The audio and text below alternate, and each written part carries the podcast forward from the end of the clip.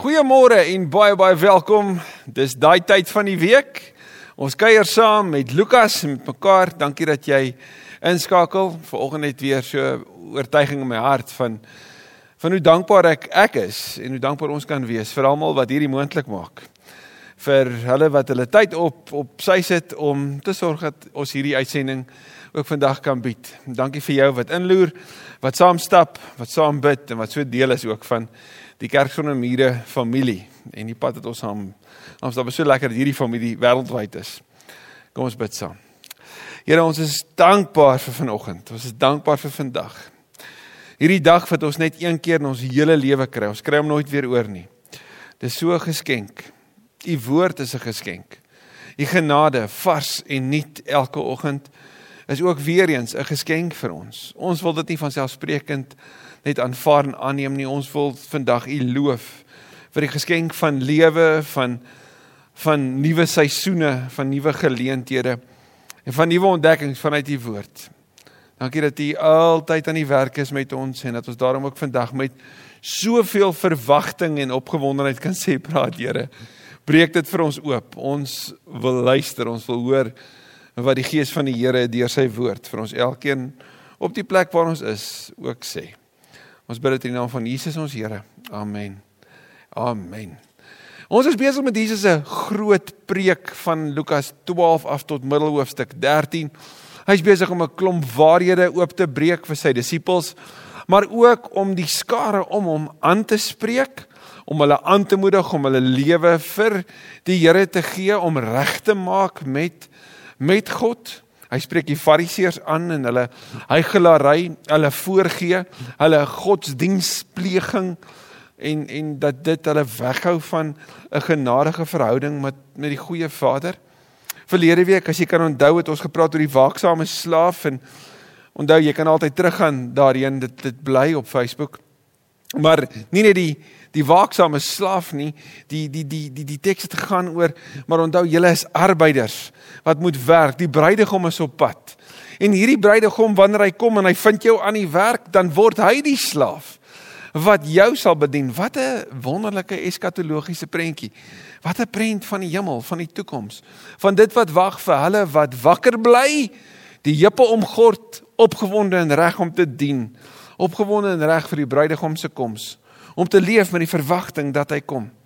Jesus gee toe vir hulle daai mashal waarin hy vir hulle sê onthou ek het gekom om nie net vrede te bring nie maar om ook onvrede te skep. Want wanneer jy vir my kies kan dit beteken dat jy nie meer in jou familie gaan gemaklik voel nie. Jy mag dalk selfs voel dat hulle jou nou as 'n vreemdeling hanteer. Want jy leef met 'n nuwe wêreldbeeld. Jy leef met nuwe waardes, met 'n nuwe fokus. En dat dit verdeling kan bring, dit het dit sal en dit gaan verdeling bring as jy Jesus volg. Dan sê hy vir hulle maar onthou julle wat so kyk na die tye, julle wat wat sê dit as die wind van die see se kant af kom, waai dan dan bring dit reën en koue en as dit van die woestyn se kant af kom, dan bring dit hitte. Julle weet so van wat alles aangaan in die natuur. Hoe kan julle nie die wil van God sien nie? Hoe kan julle nie besef dat dit wat hier voor julle gebeur, naamlik dat die koninkryk van God hier voor julle aan die gebeur is, hoe kan julle dit miskyk? Hoe kan julle die Messias mis? Julle heigelaars en dat ek en jy sal besef dat ons ons oë moet oopmaak om die werking van die Here ook in ons wêreld te sien. Dink 'n bietjie aan jou eie lewe die laaste week. Waar het jy die Here aan die werk beleef? Waar was my en jou oë oop, ons ore oop vir wat God gedoen het? Want hy's nog steeds aan die werk. En dan het daai teks geëindig met met Lukas 12 se laaste stuk oor kom vroegtydig tot verzoening. En en ja dit het versekerde toepassing op ons verhouding met mekaar vir alles gelowiges dat dat ons nie mekaar moet hof toe sleep nie en dat ons die die verzoening moet herstel.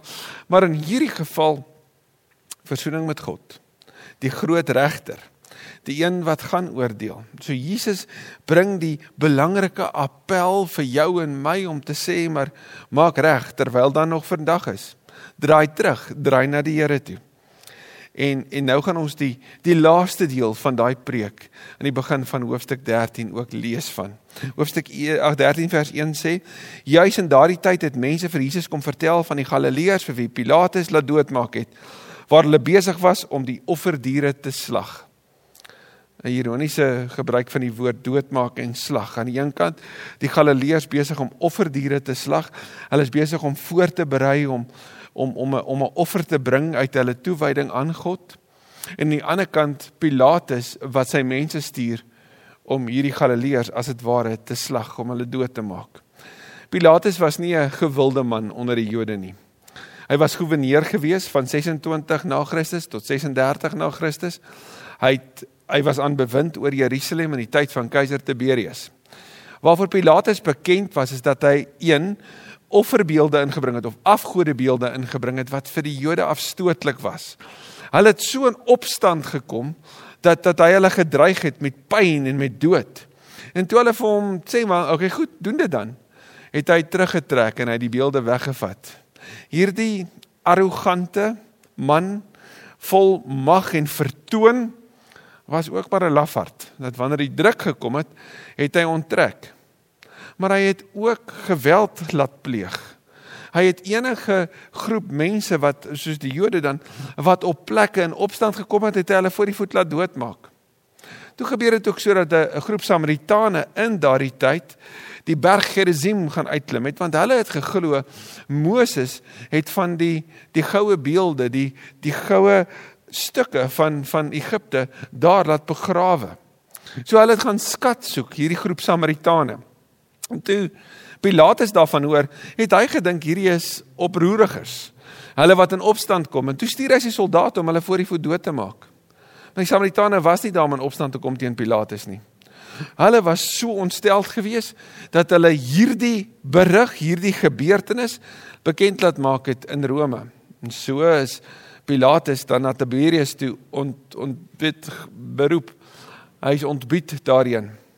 Hy is ontneem van sy plek en en iemand anders is in sy plek aangestel. En so moes hierdie vyfde goewerneur van Jerusalem na na Rome toe gaan om verhoor te word.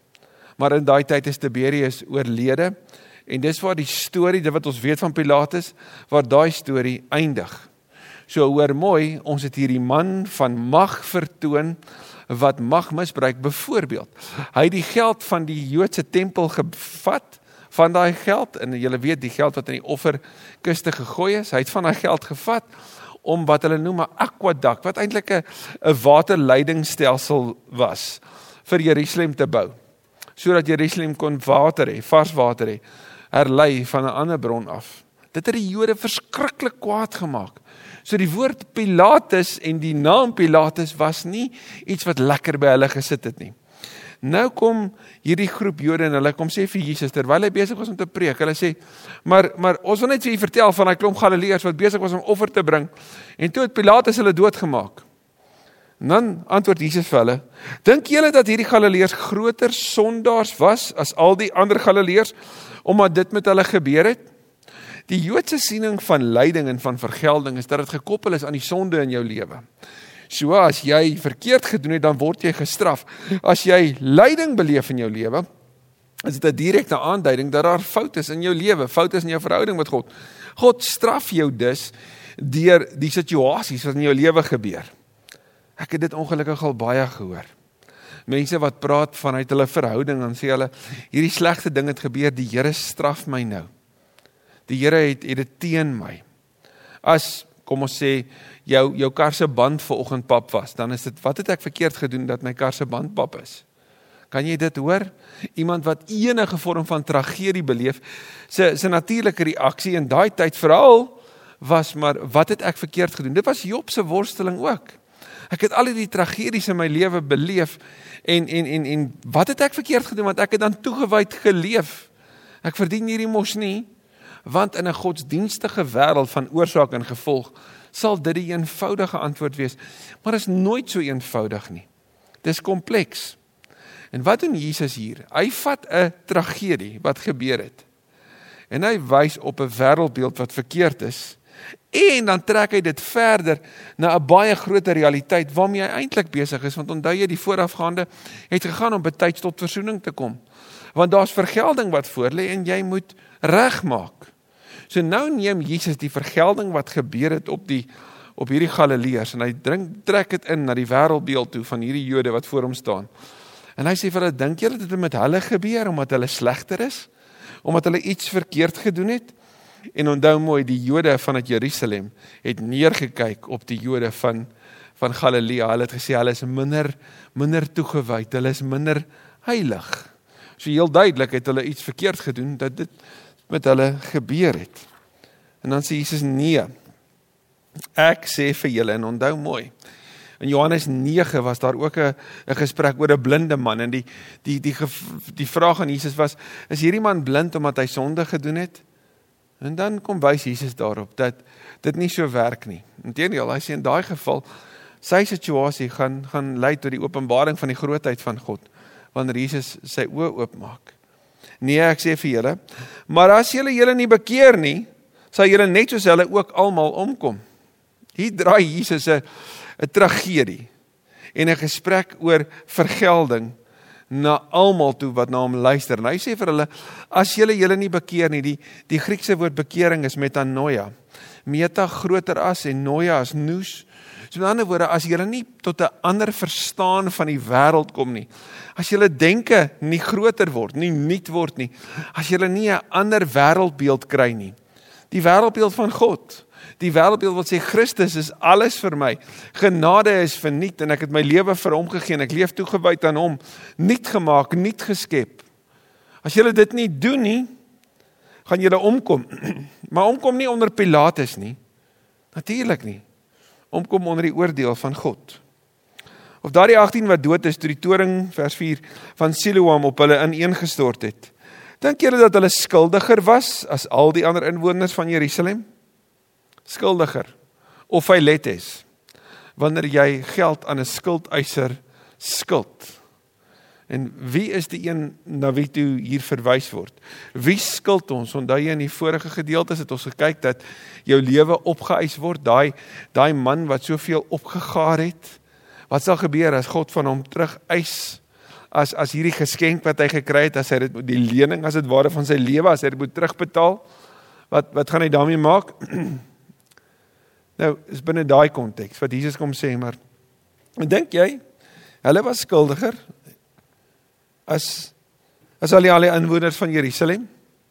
Is dit sodat die slegte wat met hierdie 18 gebeur het dat dat hulle laer is as die res? Nee.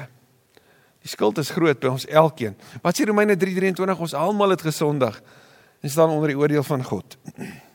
Vers 5 nee, ek sê vir julle Maar as julle julle nie bekeer nie, daar's weer daai woorde, sal julle net soos hulle ook almal omkom.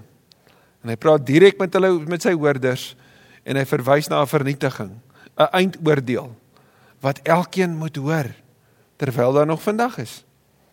En dan vertel hy vir hulle 'n storie, 'n gelykenis, vers 6.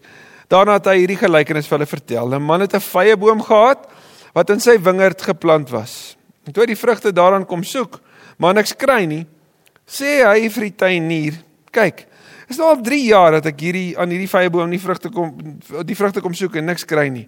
Kap hom uit. Waarom moet hy langer die grond uitput? Hierdie beeld van 'n vyeboom en die beeld van 'n wingerd is eie aan die beeld en die beskrywing van Israel. As jy dink oor 'n vyeboom, gaan jy dit sien daar in Jeremia 8 en Hosea 9 en in in Micha 7. As jy dink oor 'n wingerd, gaan jy dit telke male kry in Jeremia en in Jesaja. Hierdie beskrywings van Israel. So dit was eie aan hulle want dit is eie aan hulle wêreld. Dit was wel vreemd geweest om 'n vrye boom tussen 'n wingerd te plant. Want 'n vrye boom het beter grond nodig gehad as 'n wingerd. 'n Wingerd het vlak grond nodig gehad so jy 'n wingerd eintlik enige plek kon aanplant. Maar 'n vrye boom het spesiale grond gekry. So hier het hierdie eienaar en dit is heel duidelik dat dit nie die tuinier was nie, maar die eienaar daarvan het hierdie vrye boom geplant. Nou Levitikus 19 sê dat wanneer 'n boom begin vrugte dra, dan moet jy vir hom vir die eerste 3 jaar wat hy nie wat hy vrug dra, moet jy nie die vrugte daarvan pluk nie. So eers op die 4de jaar. Maar dit het 'n vrye boom 3 jaar geneem om te begin vrug dra. So dis waarskynlik vanuit hierdie teks dat dit nou al jaar 9 is. 3 jaar om te groei, 3 jaar om vrug weet om om vrug te dra wat jy nie mag pluk nie. En nou 3 jaar van vrug dra en as nog steeds nie vrug nie. So nou kom die eienaar en hy hy sê vir hierdie tuinier jy moet hom uitkap want hy's besig om die grond uit te put. Hierdie spesiale grond. En natuurlik is hierdie 'n 'n gelykenis, is 'n beeld. So ons kan met opgewondenheid sien, maar hoe gaan Jesus hierdie nou toepas? Wat sien die die woorde van die eienaar as jy moet hom uitkap? So die woorde van die eienaar was die oordeel oor hierdie vye boom is hier. Hy het nie sy kant gebring nie, hy het nie vrug gedra nie. Maar die tuinier antwoord: "Meneer, laat hom nog hierdie jaar staan. Ek sal die grond rondom hom omspit en bemes." Hoor jy die genade hiervan? Die oordeel en die realiteit daarvan en dan kom die genade. Hoe as ek en jy net 2 Petrus 3 vers 9 sal gaan lees. God stel nie die vervulling van sy belofte uit nie, maar hy wil nie dat iemand omkom nie. Hy wil nie dat iemand verlore gaan nie. So elke keer wanneer die Bybel jou en my oproep tot bekering om ons koppe reg te kry om 'n om te metanoia om tot bekering te kom, dan is dit 'n genade oomblik. Want God wil ons nie oordeel nie, hy wil ons red. Gaan lees by Johannes 3 vers 17 en dis meer. En hier kom die tuinier en hy sê asseblief laat hom net staan en hoor mooi wat dan gebeur. Ek sal hom omspit, beteken ek sal die die wêreld om die direkte omgewing om hierdie vye boom gaan ek ontwrig. En wat gaan ek bysit? Bemesting. Nou weet ek en jy hoe ryk bemesting. Dis tyd vir vir kunsmis op gras gooi, nê? Nee, en ons ryk dit oral so in die lente tyd. Mense gooi dit oral en jy's bewus daarvan. En terwyl die bemesting daar rondom is, is die omgewing nie lekker nie. Dit's nie gemaklik nie, dis nie ideaal nie en tog is dit nodig. So vir die vye boom kan hy voel asof sy lewe op daai oomblik tussen 'n klomp mis is met sy omgewing ontwrig. Vir die tuinier is dit juist die proses om die vye boom te bring tot by groei, tot by vrug dra. Wat sê dit vir jou en my? Dit mag in ons lewe so wees. Ons word ontwrig. Ons word in ruimtes geplaas waar dit regtig ongemaklik is en 'n klomp bemesting word deel van ons lewe. En jy mag dalk vra my, Here, waarmee is jy besig? Onthou mooi, elke situasie se bedoeling is vir meer vrug. Elke stuk ongemak is 'n oorbrugging tot 'n volgende ruimte van groei. Miskien vers 9 sal hy dan volgende jaar vrug dra, hoor, volgende jaar. Ons stel die oordeel uit as dit ware. Maar so nie kan nie hom uitkap. So die oordeel kom en dis die harde realiteit. Daar kom 'n finaliteit. En hier eindig die preek. Hierdie lang preek oor bekering. Hierdie lang preek van 'n oproep terwyl daar nog hierdie tyd is. Gee jou lewe vir die Here. En dan is daar 'n situasie wat Lukas vir ons beskryf wat op 'n ander keer gebeur. Jesus plus Sabbat. Hier's amper hierdie herhaling van 'n 'n Sabbatswonderwerk, 'n ander wat gebeur het in Lukas 4 en Lukas 6 wat wat ek en jy gelees het wat ons bietjie hierby sal uitbring. Jesus plus Sabbat is gelyk aan moeilikheid so dikwels. Want hierdie is 'n wonderwerk by 'n sinagoge, by een van die sinagoges en waarskynlik een van die laaste kere wat Jesus 'n sinagoge op aarde sou besoek. Een keer vers 10 op 'n Sabbatdag was Jesus in een van die sinagoges besig om mense te leer, soos hy gebruik was. Daar was ook 'n vrou vers 11 wat al 18 jaar lank gelei het onder 'n bose gees wat haar heeltemal verswak het. Sy was krom getrek en kon glad nie meer regop kom nie. 'n Vrou wat gekom het vir lofprysing en eer. Soos iemand gesê het, a woman who came for worship and a woman who got healed. Maar ek en jy moet mooi kyk na hoe hierdie vrou se liggaam gelyk het. Gebukkend, gebukkend, gebukkend. As ek nog laer sou kon buik, dan sal ons baie meer hierdie beeld van 'n baie krom getrekte ou lyfie sien. Vir 18 jaar ly sy hieraan. Sy's waarskynlik al op die halfte, miskien selfs verder van haar lewensouderdom op aarde. Lewensverwagting daai tyd was nie veel verder as 30 jaar oud nie. Was kort geweest. Vir 18 jaar daarvan loop sy gebukkend en wat sien sy al hoe meer die grond. Iemand beskryf dit so: sy het met haar kop na die grond, die graf te gemoed gegaan. So dis van haar laaste tye, nê? Nee?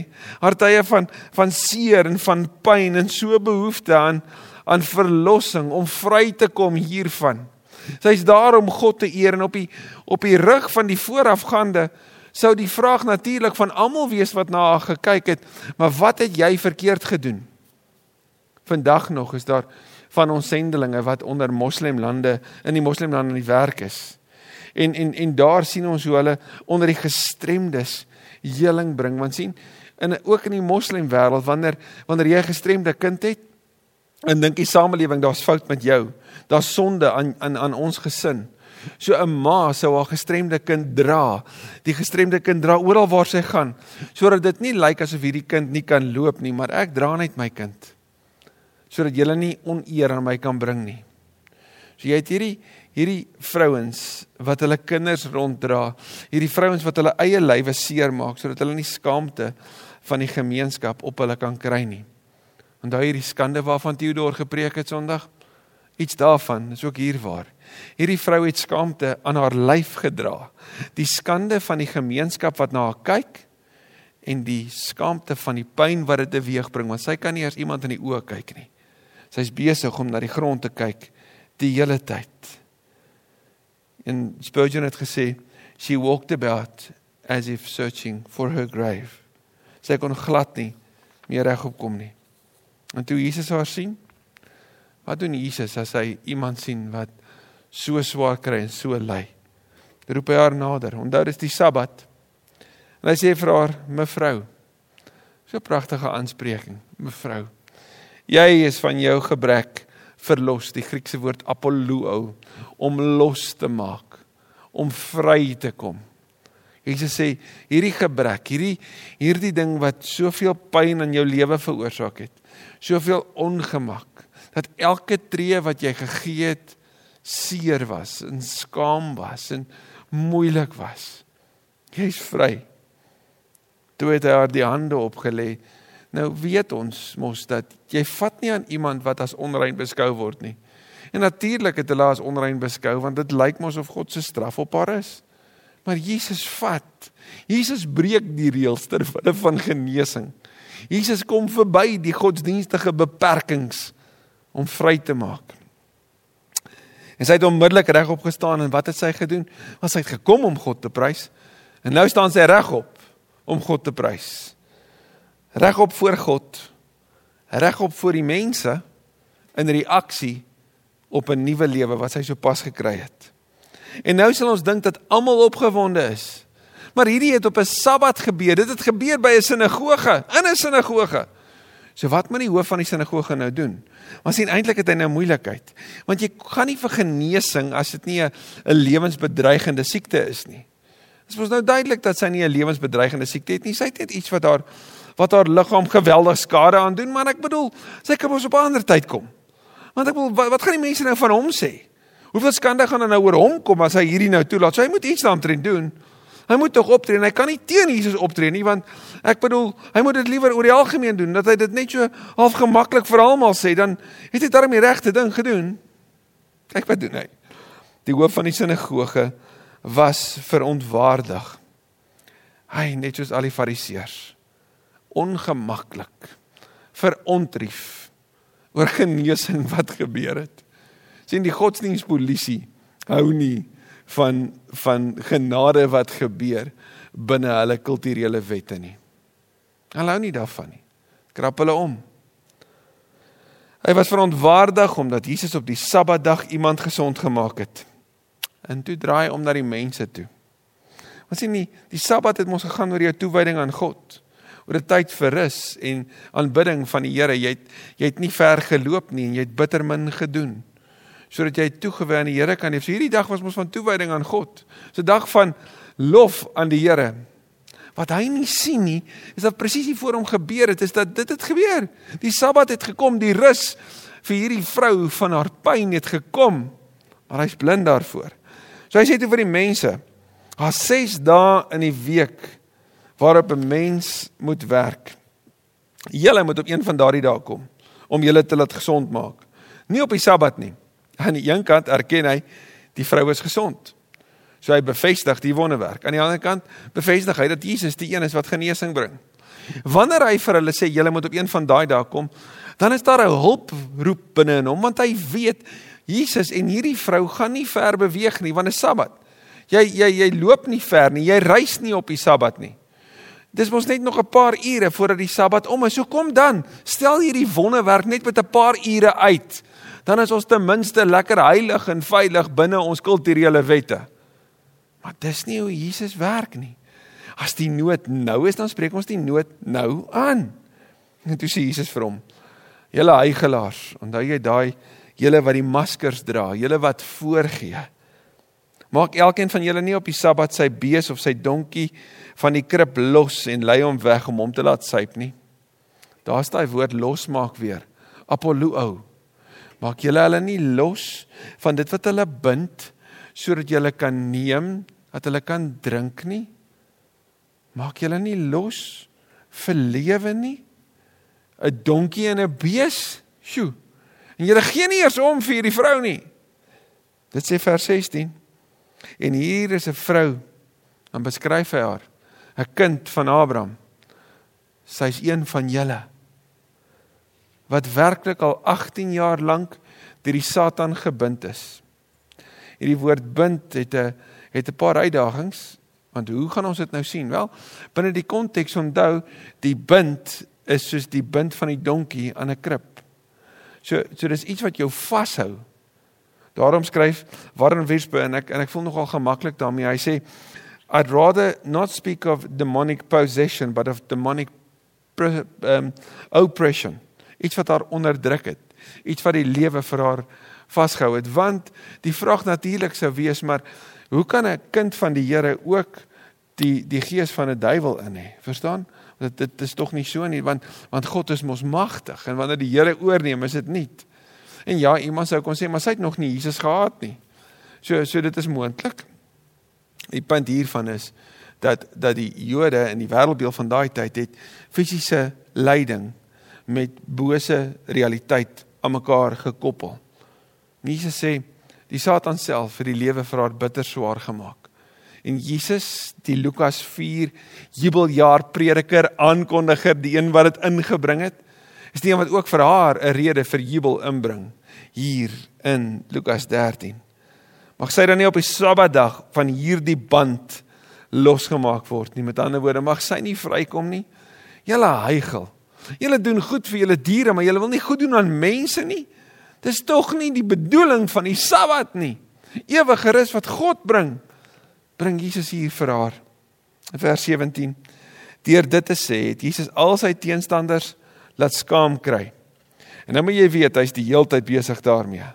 Hy bring hulle in die verleentheid in die openbaar. Hulle soek die heeltyd iets om hom mee vas te trek. Hulle wil hom plat trek. Hy het hulle laat skaam kry in hulle wêreld, in die sinagoge.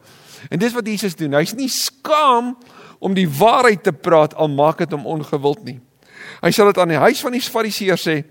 Hy sal dit aan huis van die sinagoge gangers sê. Maar die hele skare was bly oor al die wonderbaarlike dinge wat hy gedoen het. Die twee beelde staan teenoor mekaar. Die godsdienstiges wat so blind is vir die werk van God, vir die genadehandeling wat lewe bring, want hulle eie wette maak hulle blind daarvoor. Maak hulle harte hard maak dit hulle heigel. En al die ander hulle wat oop is, hulle wat sien en hulle wat beleef. Hulle vir wie genade aangebreek het, die genadejaar van God, die nuwe oomblik. Geliefde in die Here, terwyl daar nog vandag is, mag ons draai na hom toe wat regtig goed is. Na hom toe wat sy oordeel uitstel omdat hy wil hê dat ek en jy tot inkeer moet kom. Luther het gesê die woord bekering is nie 'n een eenmalige gebeurtenis nie. Toe iemand vir hom gevra het, "Wanneer het jy tot bekering gekom?" toe sê hy, "Vanoggend weer." Mag dit daarom terwyl dit nog vandag is ook ons gebed wees. Here, meer van U, minder van myself. Here, bring die genade oor in my lewe. As jy dalk in 'n tyd is waar die grond om jou omgespit is, die bemesting plaasvind, is vir jou sleg, is vir jou moeilik, is vir jou swaar. Onthou ons wil saam met jou bid. Stuur jou gebed na gebed@ksm.co.za. Ons wil saam met jou bid. As jy ondersteuning nodig het, stuur jou jou e-pos na sorg@ksm.co.za want ons wil jou laste saam met jou dra. As jy behoefte het aan 'n groep, stuur dit na groei@ksm.co.za. As jy meer inligting wil hê en, en meer wil leer, gaan na die sosiale platforms toe. Jy kan as jy by Kerk van die Mure ingeskakel is by Right Now Media 'n klomp ondersteunende materiaal, meer as 200 000 daarvan en 'n klomp waarvan ook in Afrikaans kan jy gaan kry vir jou huwelik en vir jou lewe. Mag dit so wees dat ons nie die oomblik van groei en van vrug dra mis nie. Mag ons lekker gewortel wees in Christus en mag die vrug van die Gees daar wees sigbaar verander om deel te hê daarin, om die vreugde daarvan te beleef. Om ons bid saam. Dankie Jesus vir u waarheid, vir u direkte woorde in ons lewe. Dankie dat u vir ons ongemak gun, selfs vars bemesting gun sodat ons kan groei. Dat ons eie ongemak nie 'n beperking is vir genadewerk in ons lewe nie. Inteendeel, dat dit dikwels juis daartoe lei. Jammer vir die jare wat ons dit dalk gemis het. Vir oomblikke, tye, ja, maande en selfs jare wat ons harte hard geword het en waar ons nie die vrug kon dra wat die groot eienaar sou wou pluk nie. Oomblikke waar ander mense dit nodig gehad het en ons net nie op daai plek was nie. Tyd wat verby is, verspeel is. Ons sal dit nooit terugkry nie. Ons het vandag nodig. Kom daarom en breek ons harte oop, Here. Breek dit oop en laat lewe inkom. Nuwe lewe. Want Here, ons weet en ons hoor dit die hele tyd. Ons Here kom en ons moet gereed wees. Mag ons daarom vandag aangryp in Jesus se naam. Amen. Amen. Sien jou volgende week. Mag jy 'n mooi dag hê.